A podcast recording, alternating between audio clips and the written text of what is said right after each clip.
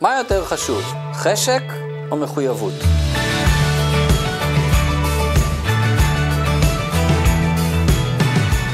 כל קשר זוגי עומד על שני הדברים האלה. מצד אחד, חייבים שיהיה חשק, תענוג, כיף, הנאה בין בני הזוג, הנאה שמביאה לרצון להיות ביחד, לתשוקה. אם אין תענוג, אז כל אחד מחפש תענוג במקום אחר ומתחיל לפזול לצדדים. אבל מצד שני, חשק לבד זה לא מספיק. כי יכול להיות שמתישהו יפסיק להתחשק לנו, או שפתאום יתחשק לנו דברים אחרים. לכן חייבים גם מחויבות. מחויבות ונאמנות כלפי הצד השני. מחויבות שגם כשיהיה קשה, נישאר ביחד. אז מה יותר חשוב? שניהם חשובים. בלי חשק, הכל יהיה יבש וטכני. אבל בלי מחויבות, הקשר לא יחזיק מעמד.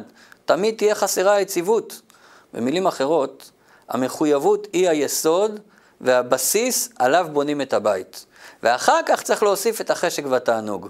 ולכן אם שואלים עם מי כדאי להתחתן, אז לפני שמחפשים אהבה גדולה, צריך קודם כל למצוא מישהו שמאמין במוסד הנישואין, מישהו שמוכן להתחייב לקשר עד סוף ימיו. ככה זה בקשר הזוגי בין בני הזוג, וככה זה גם בקשר הזוגי שלנו עם הבורא. שלמה המלך בשיר השירים ממשיל את הקשר בינינו לקשר של חתן וכלה, גבר ואישה.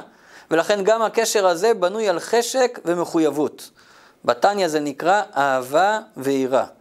מצד אחד הרצון להתקרב לבורא, התענוג שבעצם הקשר איתו, ומצד שני המחויבות, הנאמנות. אז מה יותר חשוב? אותה תשובה. שניהם חשובים, אבל היסוד זה המחויבות, יראת שמיים. ועל זה מוסיפים את החשק והתענוג, אהבת השם.